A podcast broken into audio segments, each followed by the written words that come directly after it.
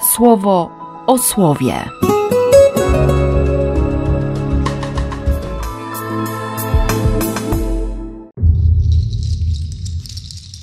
7 lipca, czwartek. Kiedy Izrael był niemowlęciem, ja go umiłowałem. Ja przewijałem nóżki Efraima, brałem go na swe ramiona, a oni nie zauważali, że się troszczę o nich. Ciekawe, że, że często występuje zamiennie Izrael i Efraim, chociaż Efraim był wnukiem Jakuba, Izraela.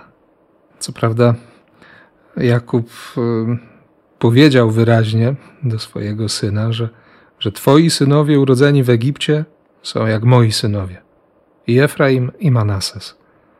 Może dlatego nie mówi się o pokoleniu Józefa, ale właśnie o pokoleniu Efraima i Manasesa.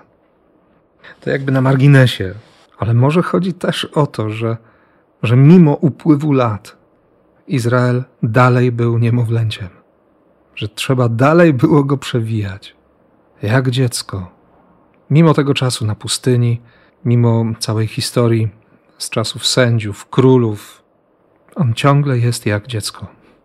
Gdy tylko ich stamtąd wywołałem, zaraz zaczęli odchodzić sprzed mojego oblicza. Jak, jak bobas, nie? który ucieka od rodzica, gdzieś tam na, na czworakach zasuwa.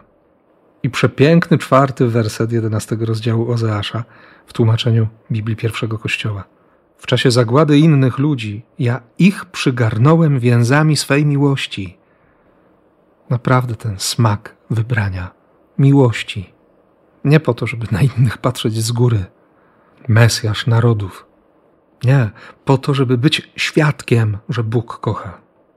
I chwilę później będę dla nich jak człowiek, który daje klapsa, ale będę czuwał nad nim i będę ogarniał go swoją mocą. Hm. Mimo mojej niewierności, on dalej jest wierny. Porażająca konsekwencja, życiodajna konsekwencja. Może dlatego właśnie Jezus też wyprowadza czy wygania tych swoich dwunastu w redakcji Mateusza, żeby poszli do Żydów, żeby poszli do tego narodu wybranego, do tych niemowlaków, do tych niemowląt, tych osesków, tych, których trzeba przewijać, nie? Trzeba pupę wytrzeć, bo są tak nieogarnięci, tak bardzo nieporadni. Idźcie, głoście, chorych uzdrawiajcie, martwych wskrzeszajcie do życia, trędowatych oczyszczajcie, demony wyganiajcie. Dawajcie słowo. A gdyby ktoś nie chciał przyjąć, wysłuchać, to strząśnijcie proch. Oczywiście z jednej strony można tłumaczyć ten gest nie chcemy mieć z wami nic wspólnego. Ale z drugiej, jeśli widzimy mądrą miłość, to można konkretnie i, i myślę, że to nie będzie nadinterpretacja, usłyszeć i powiedzieć: Nie chcę ci nic zabrać. Daję ci wolność. W wolności daję ci słowo. Bóg daje możliwości. To jest szansa. Nie zabieram ci nic. A jeśli przyjmiesz słowo, przyjmiesz łaskę, przyjmiesz Chrystusa, to przekonasz się, że, że w zaufaniu i dzięki zaufaniu, Jego zaufaniu, można Mu oddać wszystko. Naprawdę można dać Mu swój grzech, swoją śmierć, swoją chorobę, każdy swój trąd, wszystkie możliwe spętania. Nie? Wolność. Kocham, rozumiem. No, no, oby tak było.